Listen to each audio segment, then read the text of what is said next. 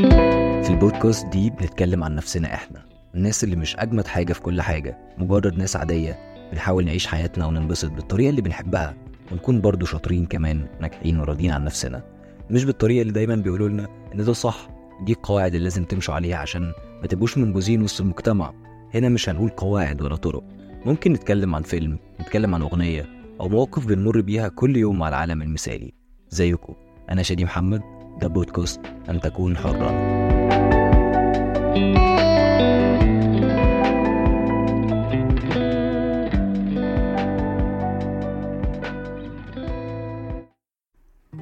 تخيل إنك بتعيش كل يوم تبرر للناس وجودك.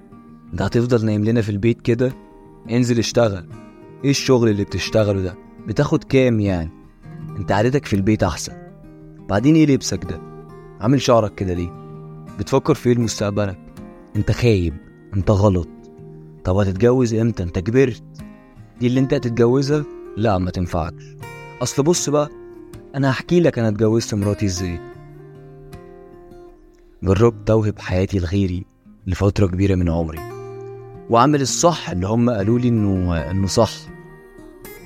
كنت كل مرة أفضل ماشي في الطريق اللي هم اختاروه ده ولما اتزنق في الطريق اللي هم اختاروه يوصموني بالفشل.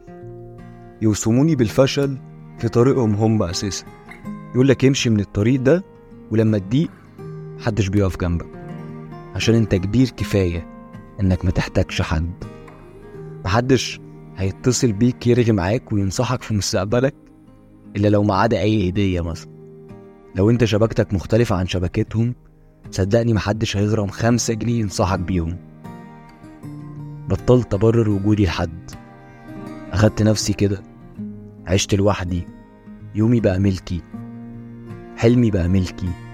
وبطلت أسأل نفسي أنت عايش بتعمل إيه؟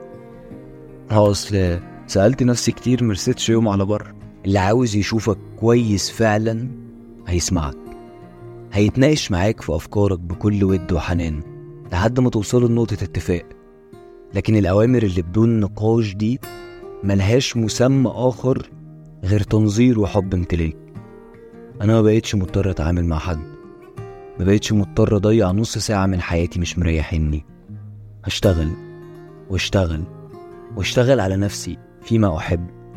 عاوز أتعلم كل حاجة. هشتغل وأدي للشغل كل اللي عندي. ولو وصلنا لحارة سد مش مهم. هنهد الدنيا دي كلها ونبدأ من جديد. محدش واقف يكتب لنا. محدش ليه فضل علينا. محدش مدينا جنيه ومستني فوايده.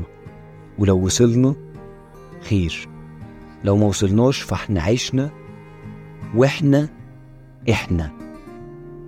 والدتك ست الناس. عاوزاك تتجوز لكن هتغير من مراتك. عاوزاك تتجوز عشان تحس إنها أدت رسالتها عشان تموت وهي سعيدة. يعني معلش هي بتفكر في نفسها. ورسالتها وراحتها النفسية. افرض انت عندك مشاكل نفسية مش هتخليك سعيد لو اتجوزت. صدقني مش مهم. المهم تتجوز انت مش عارف مصلحتك في إيه. كونوا ودودين عاطفين مع أهلكم لكن كفاية بقى تعيشوا للناس. كونوا أنتوا اختاروا لبسكم شغلكم يومكم مشاعركم. من كام يوم حصل موقف ضحكني جدا. أنا وواحد صاحبي. ضحكنا عليه يوم كامل. ولما حكى المشهد لوالده والده حزن جدا من المشهد ده وما ضحكش. الشخص ده كلمني وقال لي هو إحنا كنا بنضحك ليه؟ المشهد المفروض يزعلنا ما يضحكناش. يعني لما والده ما ضحكش على المشهد الولد نفسه شك في شعوره التلقائي اللي خرج منه. المشاعر نفسها ما بقتش بتاعت صحابها. طول ما انت مش حر ومش نفسك انت مش حد. انت عبارة عن كل الناس اللي ملكاك على رأي الأستاذ نبيل عبد الحميد حقيقي مؤكد ما يمكن يجوز هينفع نجرب. هتخرب تبوظ هنخسر ما نخسر. وبعدين نشوز.